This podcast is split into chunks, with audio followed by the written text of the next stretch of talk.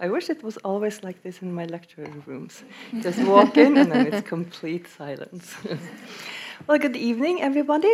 Uh, my name is Kari Jegerstedt, uh, and I'm the lucky one to guide you through a conversation with the authors Siri Hustvedt, a Norwegian American author, and Karolina Ramqvist, Swedish author, essayist, critic, and you're also an essayist critic and so on and so forth. I'm not going to introduce you more to them. I guess you already know who you are, who, who they are. But I'm sitting here with their two latest books, collections of essays, and we're going to talk a little bit about them this hour. It's kind of weird to sit here like this, to have this so called author conversation based on these books.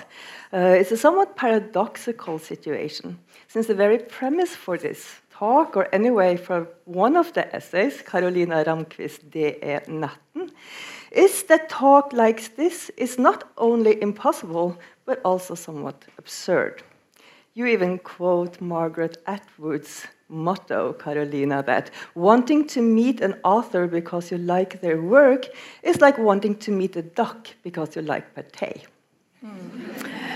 It is impossible to talk about something you have written without transforming it, even reducing it to something that is, it is not, you state. And it's not only impossible or some somewhat absurd, the expectation that you do so, talk about your work, is also quite violent.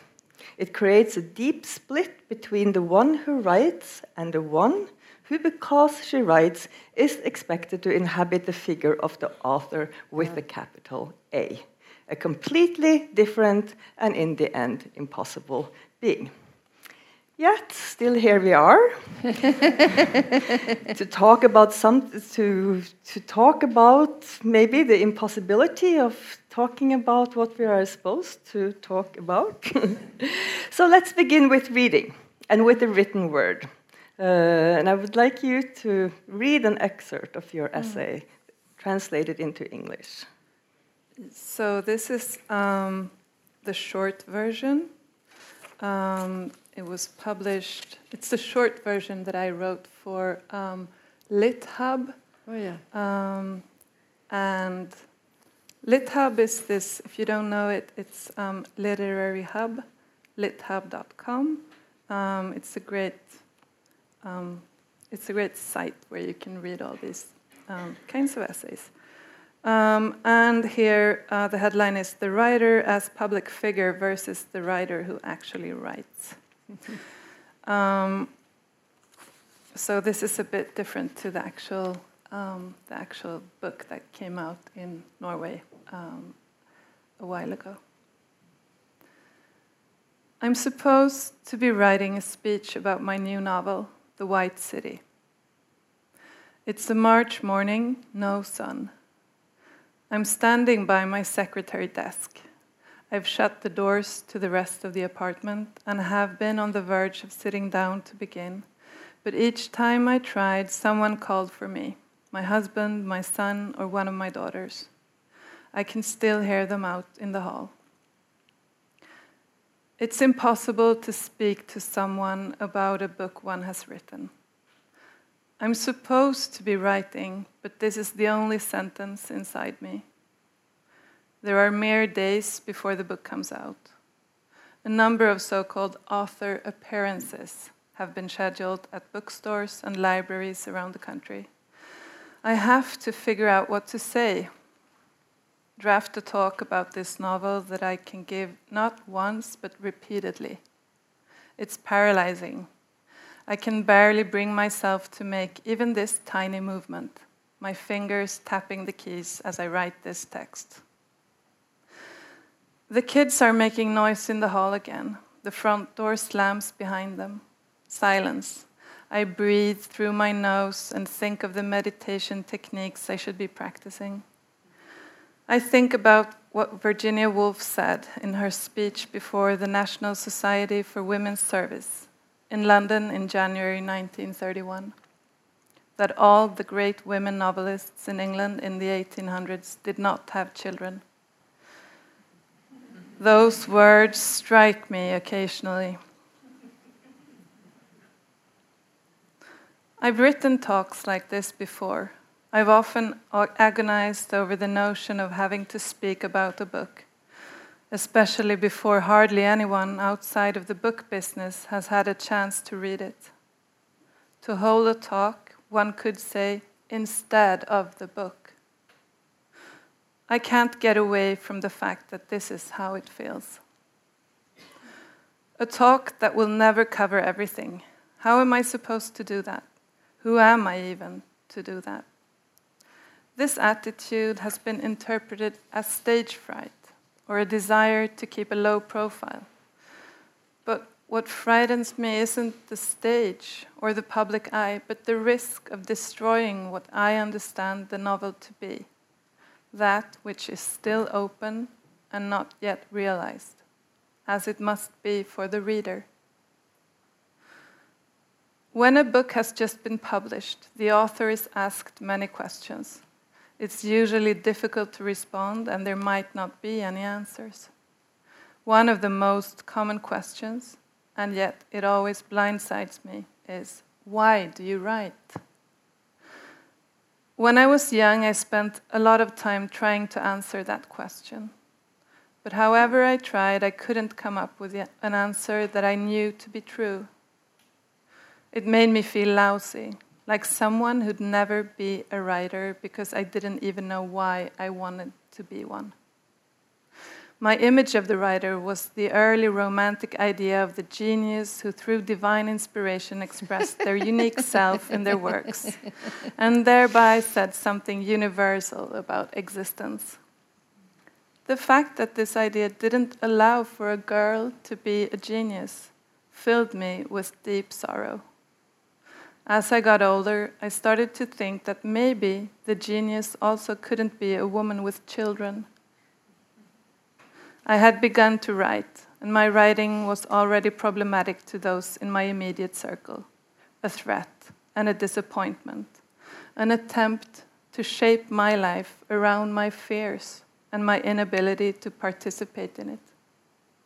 I didn't have children then, but I had boyfriends and friends and countless demands were implicit to the questions they posed. Why do you have to go away to write? Why can't you write here? Why do you have to write?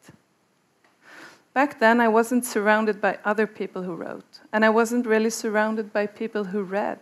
And my writing couldn't have been considered work because the payment wasn't commensurate with my efforts and the time it took. I mean, it still isn't, but nowadays that isn't as clear. Reading Virginia Woolf at the time, I didn't see the glaring similarities between me and the women from the past about whom she was writing, who started writing because pen and paper were easy to get a hold of, and writing was an activity that could be done discreetly. But later, when I got to know other women writers who tried to live with men, men, I should add, who didn't share their values, I understood that I'd never been alone in being called sick because I'd rather write than live with and love with love men. These men hated that we wrote. They hated how the writing took us, hated it for its ability to bear witness to the world and for the fact that it would remain long after they themselves were gone. I always wanted to be an author, but I also wanted to have children. How those two things fit together is another common question, and I'd wondered about it myself. How would that be possible? In equality minded Sweden, it's a given that women shouldn't have to choose between work and starting a family. But I saw children as a potential threat to my writing. And motherhood, with its demands, is really a sort of antithesis to being a writer. But many women also live with the idea of being perpetually available to their men. And when I think about it now, it's so clear that children were never the hurdle for writing, men were. I could only start writing books once I stopped making myself available to a man's many ever changing needs. Thank you.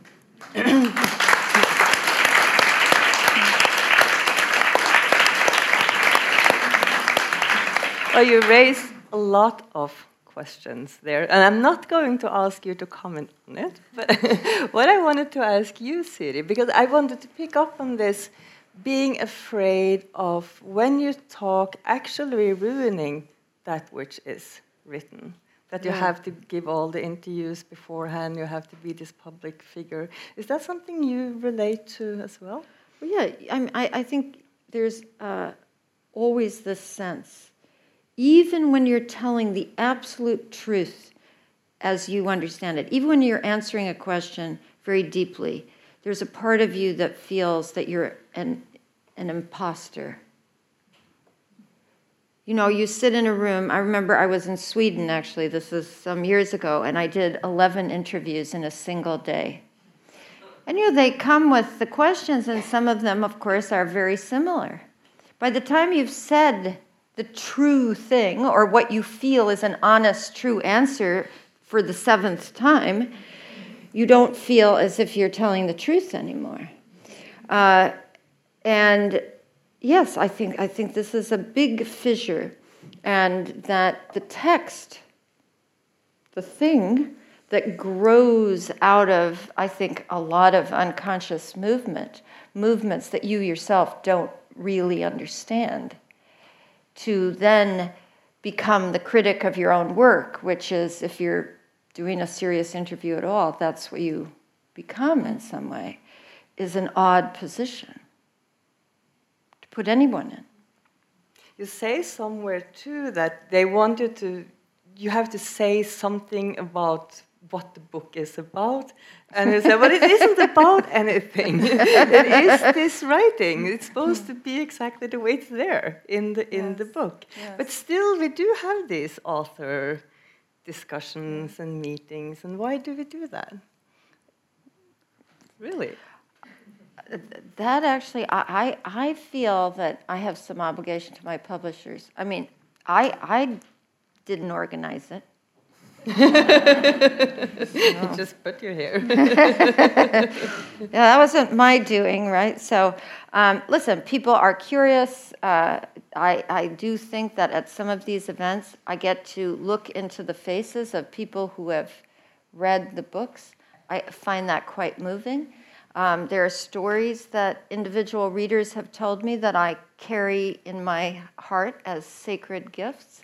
So, yes, but it's rarely the interview, it's rarely uh, the journalist who turns you upside down and inside out. No, that's usually a, a reader who's had some intimate experience with one of your books, and not always what you imagine.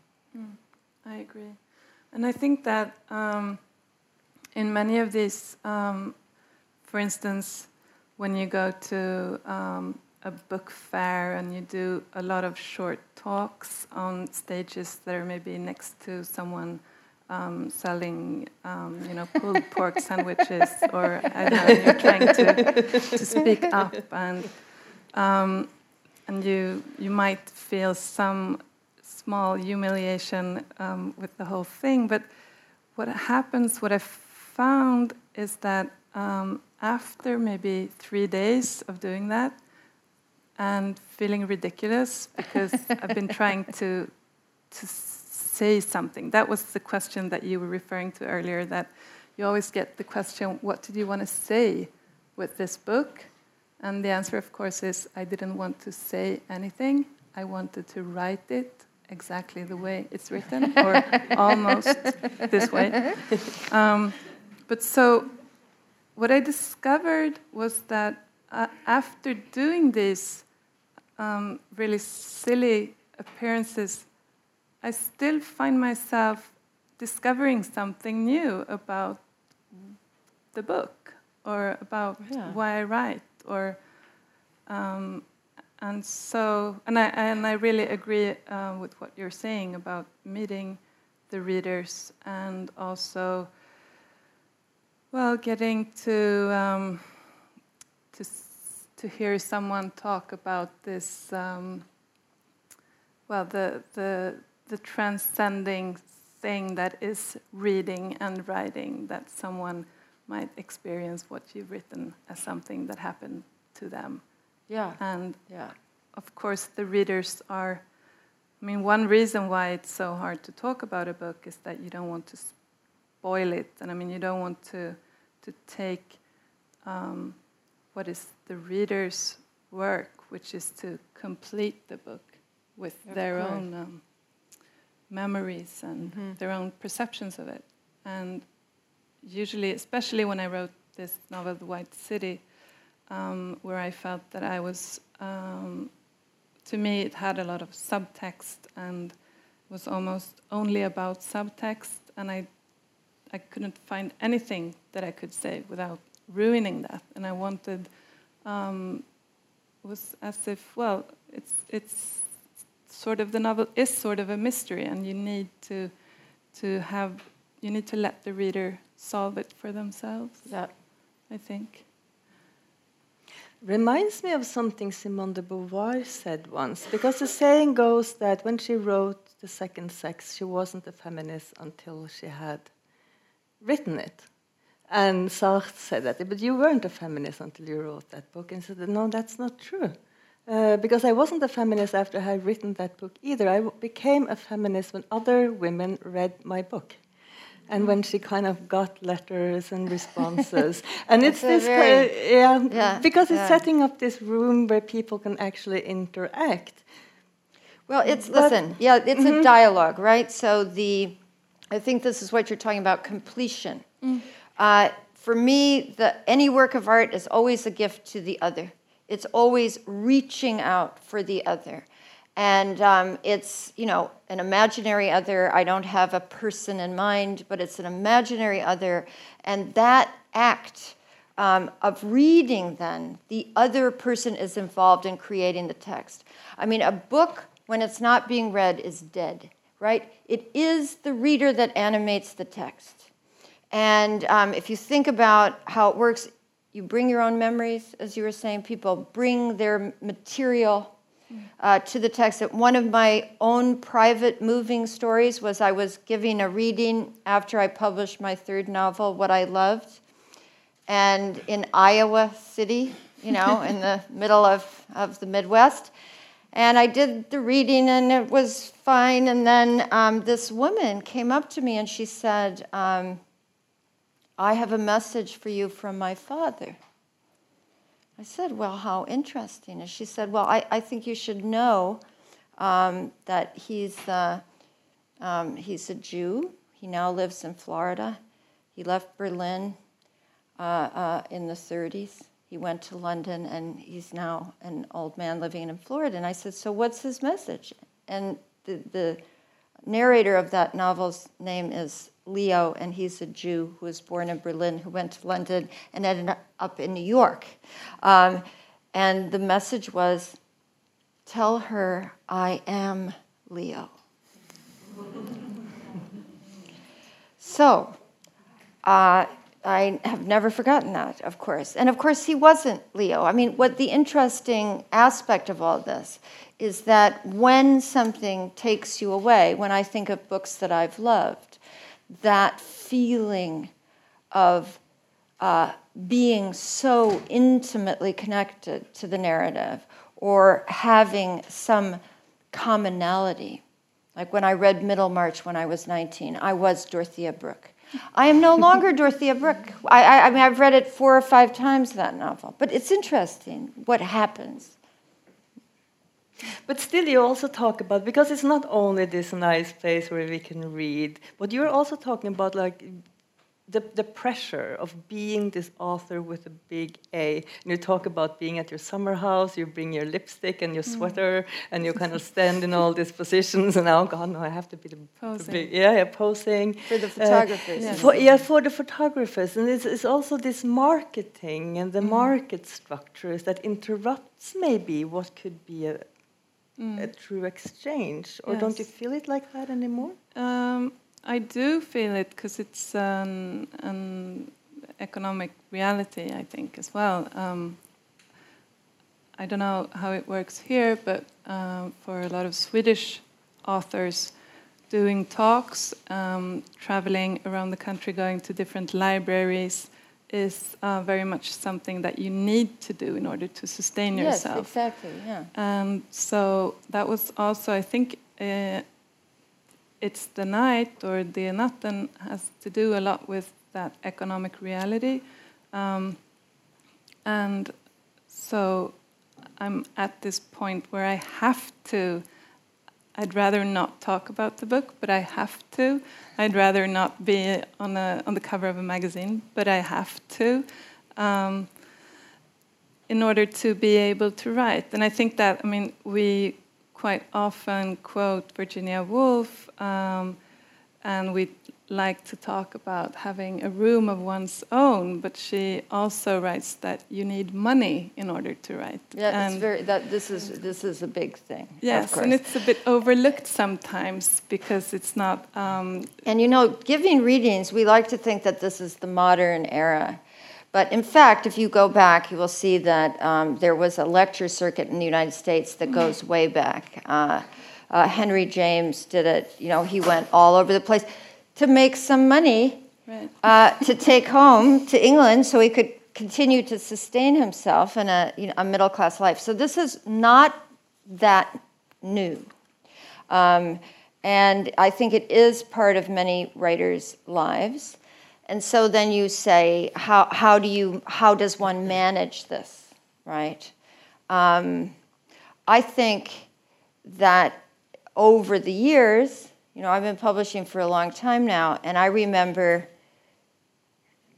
I was in London for my first novel, and something they they you know I'm going to get my picture taken, and the novel was The Blindfold, and this photographer shoves a mask in my face, and I said, no, no, thank you. I mean, you know, it became this thing. Now, I was, you know, I wasn't that young. I was in my 30s, but I, it ended that I got tears in my eyes and they stopped. Now I've become much more autocratic. I just say, get that goddamn thing out of my face. I'm not doing that. I'm walking right out the door. If you, you know, if, if, if you insist on this kind of humiliation, I, I don't accept it. But you know, that takes time. Mm, yes. That takes time. And there was a photograph taken, and you could see that my eyes are a little red. you know, so, so, but, but that thing. So I think learning how to negotiate this reality mm. that you know it's partly this author persona, which is necessary to a writing life now and has been for quite a long time. Um, and you know how to retain a kind of inner integrity about who you are, hmm. whatever that is. I have no idea. I mean, I believe in the plural self, but something that doesn't make you. This is it. Something that doesn't make you feel bad hmm. afterwards. Hmm. It's like many things in life. This is not just about writing. It's about many things in life that you don't leave the room without having said what you should have said because it was important.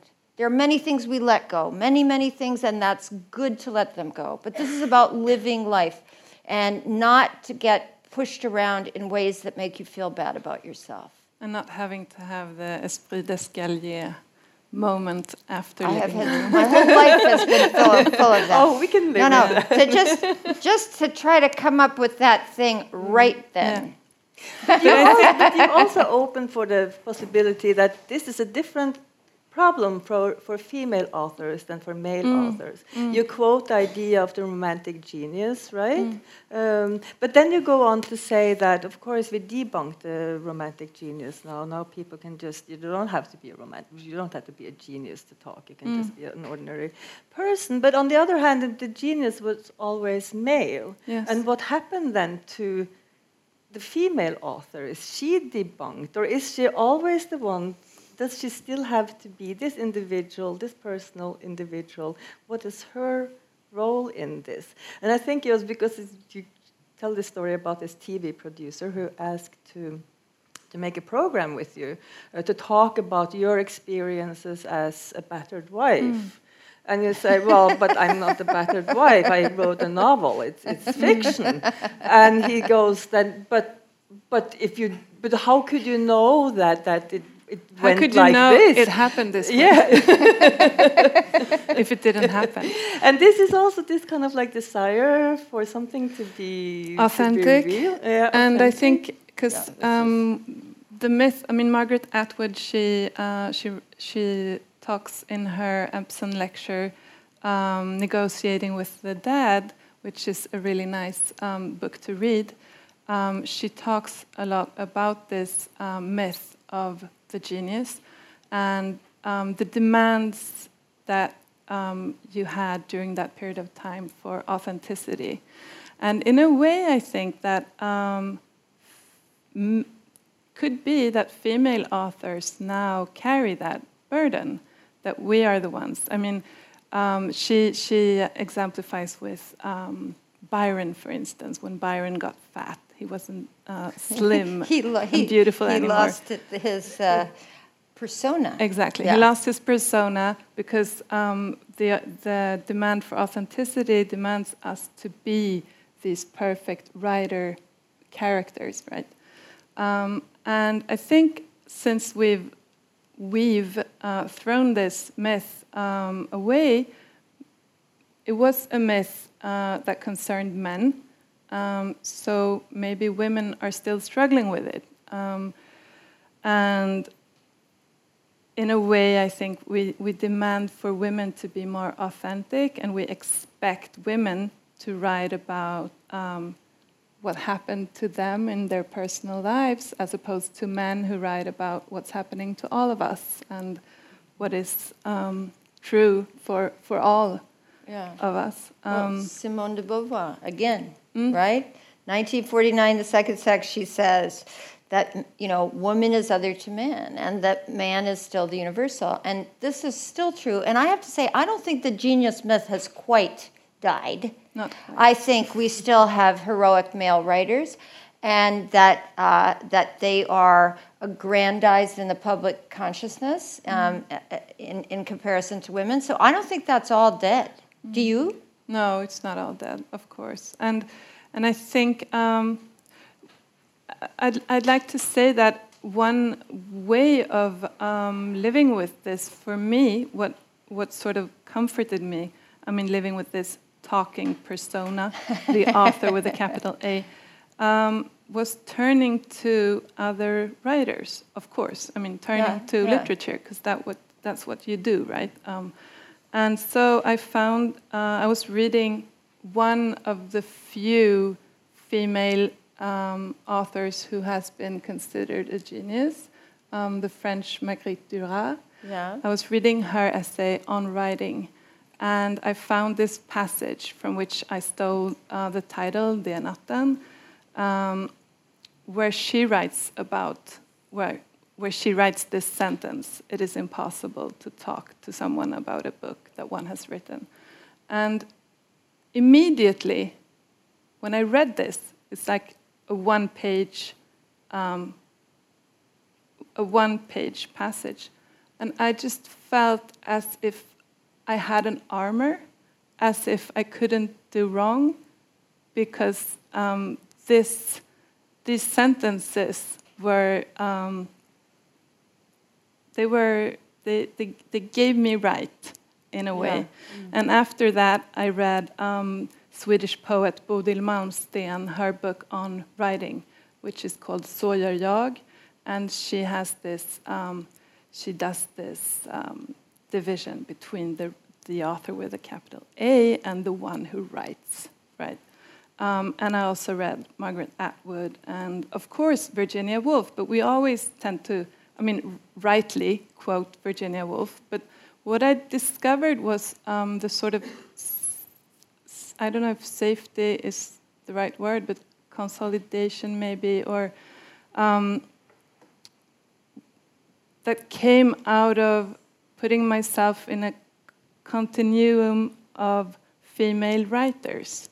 Because sometimes I think that um, for me, coming from a feminist background, um, sometimes I find that we, even, of course, women do tend to read more men, and we do tend to sort of um, not place ourselves within this uh, history of female yeah, that- writing? that- that's- this is really interesting. I mean, I think, you know, what um, I I have been, I guess, partly to some degree finding grandmothers, great grandmothers, great, great, great grandmothers. So, for example, uh, I discovered returning to 17th century philosophy, um, I discovered Margaret Cavendish, the Duchess of Yes. Newcastle. Now, she is a known person. Virginia Woolf actually couldn't stand her. And I was doing a talk, one of these writers' talk things, on the radio in the United States. And, and um, we were talking about Cavendish. And I said, well, you know, Virginia Woolf actually pushed back Cavendish uh, for some time because she, Woolf was so famous. And I said, but you know, she knew very little about 17th century philosophy. And the guy looked at me, he said, I've never heard anyone talk about Virginia Woolf like that. It was, I love Virginia Woolf. I am one of Yes, the great. so, but she didn't know a lot about 17th century philosophy, mm. and I have to tell you, she's not easy to read in philosophical terms. You have to be steeped in the whole time. Then you have to take her very carefully because she's doing poetry, plays, the uh, philosophical letters to a lady. It's very complex, uh, uh, you know, uh, dialogically charged work. So um, she has become, for me, a great uh, uh, philosophical and literary uh, ancestor, if you will. And as you say, it's, it's interesting to discover that line, which is much more, uh, I'll use the word, fertile than, um, than, you know, than the tradition has allowed. So in the 18th century, we discover that more women were writing novels than men, actually, in, in England. Yes. Um, that there are all these great writers who were suppressed later, very famous in their own time. And returning to that, yes, I think it's a- not it's a form of armor, and it it's a form of power, uh, and and that's a good thing. On the other hand, do books have sexes? no. No, I agree. and that's a Virginia they, they don't thing, have sexes, right? It's I- so wanna back- complicated. Yeah. I want to come back to Virginia Woolf maybe later, because I can hear resonances of her in both your works. But I want to talk a little bit more about writing first, uh, because that's your solution too. When you're standing in this place and they have to take all this picture and be this author, you suddenly get the urge to start. You- You're not supposed to write. You're supposed to have a holiday. You're supposed to market your Yes. book, and then you just end up okay, I just have to go Mm. back to my writing, and then you write again. Uh, and what is writing? That's also a theme that goes is addressed in a lot of your essays in in uh, in women looking at men looking at women. Love that title. it's a great title. Um, a lot of the places when you talk about writing, you talk about writing in relationship to your knowledge of psychoanalysis, your practice of psychoanalysis. You're, you're writing, you you giving writing lectures to psychiatric patients. But I think the way you talk about writing here is not very different from how you yourself feel about writing and writing as a universal kind of practice. So I was wondering if you could read. Yeah, I have this little thing. So this is yeah. I worked with psychiatric patients. I was a volunteer um, for psychiatric patients at um, a hospital, uh, two locked wards. I had a class with. Um, with uh, adolescents and a class with adults. It was, I have to say, one of the great uh, experiences of my life. Now they have moved me up. I have an appointment. I give a seminar for psychiatric residents. So I have doctors now. They're, uh, it's a different game. Uh, but anyway, uh, that's this was an amazing experience. This is talking a little more generally, I think, the part you picked out about writing and why I came to think this essay is about why I came to believe that writing actually has a therapeutic function for uh, for uh, psychiatric patients, probably for everyone. And I just want to make a little advertisement. Isn't it interesting that there's a lot of um, now uh, empirical evidence that 20 minutes of, ex, of exp, expressionistic, you know, writing every day improves immune function, liver mm-hmm. function, and respiratory function, just so you know. Okay. Yeah, yeah. And, it, it, you know, the, the thing, the difference here is, you know, it doesn't have to be good. It doesn't have to be good. Just that you're doing it. Okay. Writing is a perceived transition from inside to outside, and that motion is in itself a step in the right direction, a passage into a dialogical space that can be seen. Writing is always for someone. It takes place on the axis of discourse between me and you. Even diaries and journals are for an other. If only another self, the person who returns to the words years later and finds an earlier version of what he or she is now. Because written language exists in this between space, not the writer as her body, but the writer as her words for a reader who may be an actual person addressed in a letter, for example, or an imaginary person out there somewhere. Writing lifts us out of ourselves, and that leap onto paper, that objectification, spurs reflective self consciousness, the examination of self as other. The writing, rather than the talking cure, uses the textual object that alien familiar as a site of shared focus in a classroom. It is further true that I discover what I think because I write. The act of writing is not a translation of thought into words, but rather a process of discovery. In his discussion of language and phenomenology of perception, Merleau-Ponty writes it is the subject's taking up of a position in the world of his meanings. End quote. This taking up of meaning always already implies other people.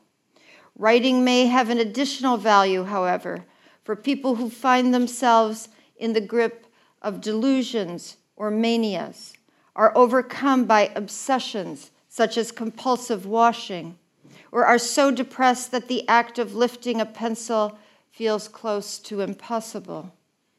Writing is a movement from one place to another, a form of traveling. And once the journey is over, the resulting text may help organize a person's view of her subjectivity as she regards it now from the outside instead of from the inside. The words become that alien familiar.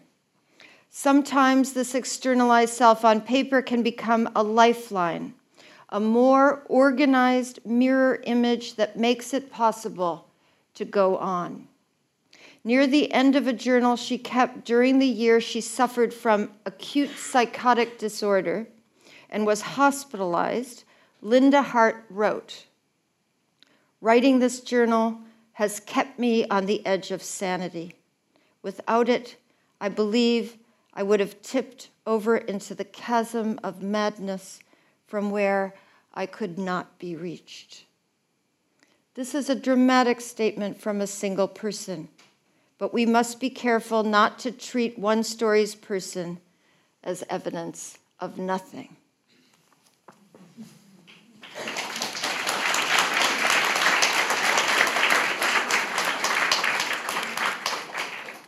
Is that what writing is like for you as well? I just, I, I just want to frame this. Yeah. It's important to say this, this is specifically about working with psychiatric mm-hmm. patients mm-hmm. around a table. My, my, I think there's something about writing in general in this passage, but it's a, it's an essay that is developing, mm-hmm. and I'm talking about its therapeutic uses, not actually my own work. Mm in, I mean, I think it is an alien familiar. That I agree. Mm-hmm. But but this is specifically how can writing be therapeutic for psychiatric patients who aren't going to go on tour, right? But you also Yeah, say, some, yeah. to say something very general about writing here, and you come back to it in your next essay, which is also about psychoanalysis, but then you go back and forth between talking about what happens in the psychoanalytic room and then talking about your art and kind of having. Yes. And, and it's very much similar, this kind of art as a dialogue. And I, I- Yes, if I can it, just, yeah. I would want to read from your work too, only a few lines in Norwegian. Uh, kunst blir alltid laget til en annen. Vedkommende er ikke en person man kjenner. Hun, er, hun eller han har ikke noe ansikt, men kunst lages aldri i isolasjon. Når jeg skriver, snakker jeg alltid til noen, og boken lages av meg og den innbilte andre i fellesskap. Hvem er den innbilte andre i kunsten? Jeg vet ikke. Et annet selv. But it's this idea of writing as dialogue that comes through in I when agree. you talk about psychiatric pa- patients, but also as writing. And I was mm, wondering, Yeah. I think I can find something similar in your thinking Yes. about writing too.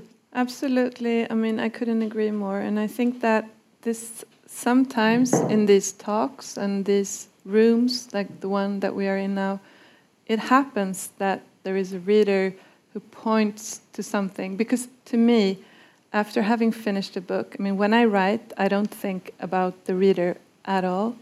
And but when I get the book or when I see the the printed work, um, it's usually very um, alien to me. I don't know who wrote this, what is it, uh, what's in it. Um, and then when, when I um, come to these events and someone points something out from their reading of the book, um, there can be these moments that are almost electric, and it's as if everyone in the room can feel it, and it's as if we get like a glimpse of this shared space, Yeah. the place where we are really um, exchanging something or Yeah. where we are together. Because, like in this place, we're more sort of trying to find one another, but within I mean, the writing and the reading is so uh, intertwined, right? Yeah, So yeah. that is a completely shared space, I think. Yeah. Well, the intimacy of, of, of reading in the arts, it may be uh, finally the most intimate art, reading, because you're, you're alone, unless you're reading to aloud, but mostly we read alone. And uh, looking at paintings, you can do that alone too, but there's often other people there going to the movies, listening to music. These are often more collective. So that intimacy of the voice that takes possession of you for hours and hours and hours, that's a deeply intimate business. Yes. Yeah. And the feeling that are these my thoughts or is it the writers or and and also I think that um, for me uh, writing is the solution but reading is also the solution and I think um, when I read um, the no competition essay um, ingen tävling or I don't know the name of it in Norwegian but in In konkurranse. Yeah, konkurranse. Um, I felt this again. I felt comforted or protected, or I felt that I was part of something um, that would recognize um, these feelings that I have for for writing, and those are, I think, feelings that are to me very shameful in a way and uh, a bit taboo about being uh, a woman writer and always asking myself this question that you've been working with a lot, Siri, with what if? What if the name on the book cover? Yes.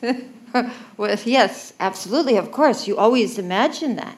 I mean, this, you know, the fantasy that somehow, that you know, that the the sex of the book is just like bleeding all over it. I mean, this is nonsense, right? I mean, that's a little, little uh, Donald Trump moment. you, you have noticed that, I'm sure. Even uh, here in, in, in Norway, people have noticed that there's a huge menstrual phobia uh, going on.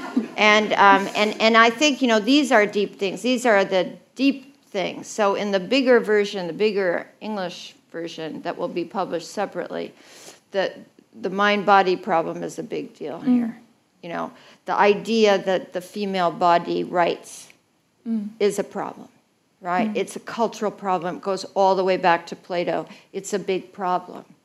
Uh, the fertile female body writing is even more of a problem. So the idea that the intellect, um, that culture uh, uh, is male and that the body and nature uh, is female, this has been codified in Western culture for hundreds of years. And we are still trying to work our way out of it.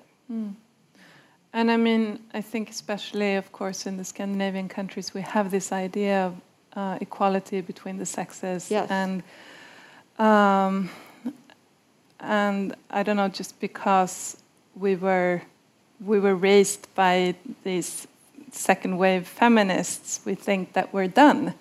Yeah.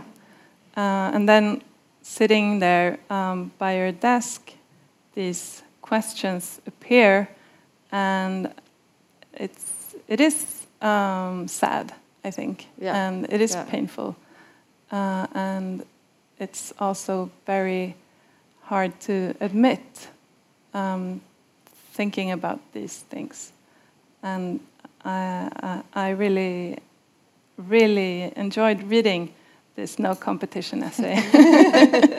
Remembering that you're no competition. Yeah, no, not. I mean, I think you know. Uh, uh,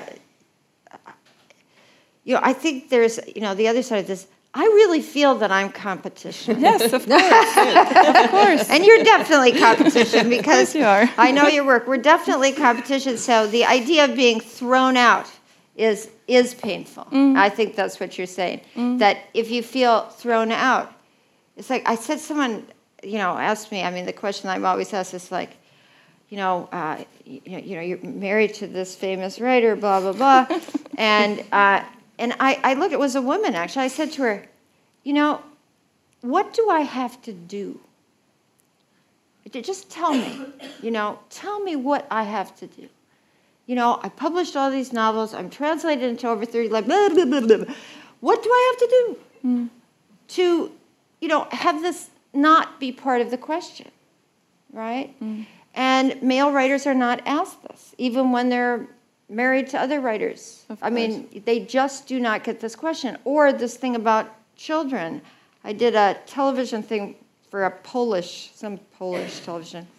And again, it was actually a woman. And she said to me, So, what I really want to know is how you've managed to have, to be a wife and a mother and a writer. Mm. And I said to her, Would you ask any male novelist that question? Mm. Mm. And she said, No. and I said, Okay then. Uh, and, but, but I also said to her, Listen, it's not that I think living in a family and being a parent and being a spouse is not important. In fact, you know, in my utopia, it would be something that uh, male writers would be asked too, because it is part of negotiating a, a life. But of course, they're not asked that. You know, and you know, as I said, I've gotten harder in my old age, and uh, I don't answer that crap No. anymore. No, you shouldn't. It's over. In your essays, you also talk about the necessity of having what you call in Norwegian adaptiv Oh yeah, yeah, I love hmm. that. I wrote that down. I thought Yeah. that was so cool. But they really believe that what you're actually doing is actually good. Yeah, so this is the thing. I found this, and I keep forgetting his name. I can't remember his name, but he's a psychoanalyst who wrote an essay that I kind of stumbled onto. And he's, um, he treats artists mostly, but also a lot of writers. And uh, he says that, uh, you know, grandiosity has a bad name, mostly. You know, it's like the Napoleon on the psychiatric uh, uh, unit. The Napoleon, the, where I worked, there were two uh, messiahs. Uh, so, you know, that's the really crazy kind. But what he's talking about is the fact that every artist, even, you know, talent is one thing, having some talent, ha- having something.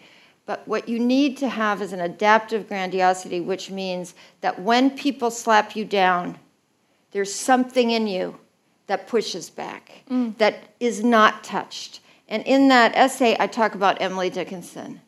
I mean, here we're talking genius. I mean, how did this happen? and she, you know, she reinvented uh, English poetry. She reinvented the language. She was extraordinary, and she wanted to be published, and she wrote those letters. And uh, to a famous literary critic, a famous man, uh, Higginson, and he wrote back, sort of condescendingly, saying, Well, you know, you're kind of not ready yet, and this meter, and, um, you know, blah, blah, blah. And she writes, she says, You think my gait spasmodic, sir, you know, spasmodic. Um, uh, uh, and then she says, I have no tribunal. Hmm? Nobody will speak for me. But she didn't change a thing. She had it adaptive grandiosity.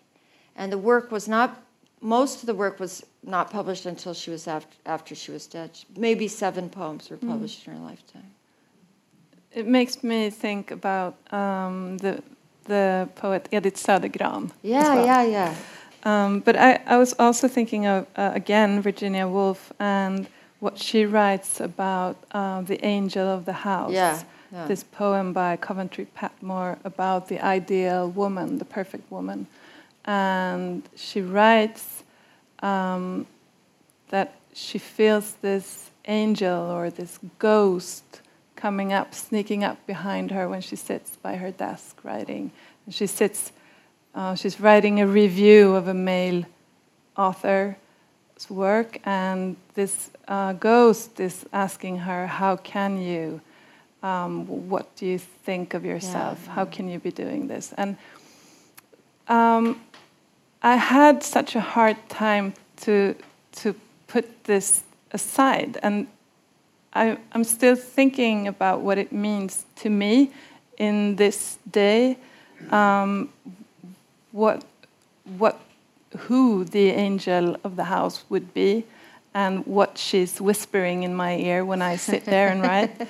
And also, um, Margaret Atwood, she, uh, she does this um, division not between the writer and the one who writes, but between the one who writes and the other person, who is someone who takes their children to kindy and who gets their car washed and things like this, and who is like um, surprised when the writer all of a sudden takes over and starts to do the actual writing.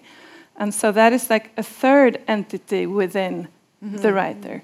And that entity also has so much to do with what you were saying before about the female body, the body being coded as female. Yeah. Um, and there is something there for me um, with this perfect woman thing.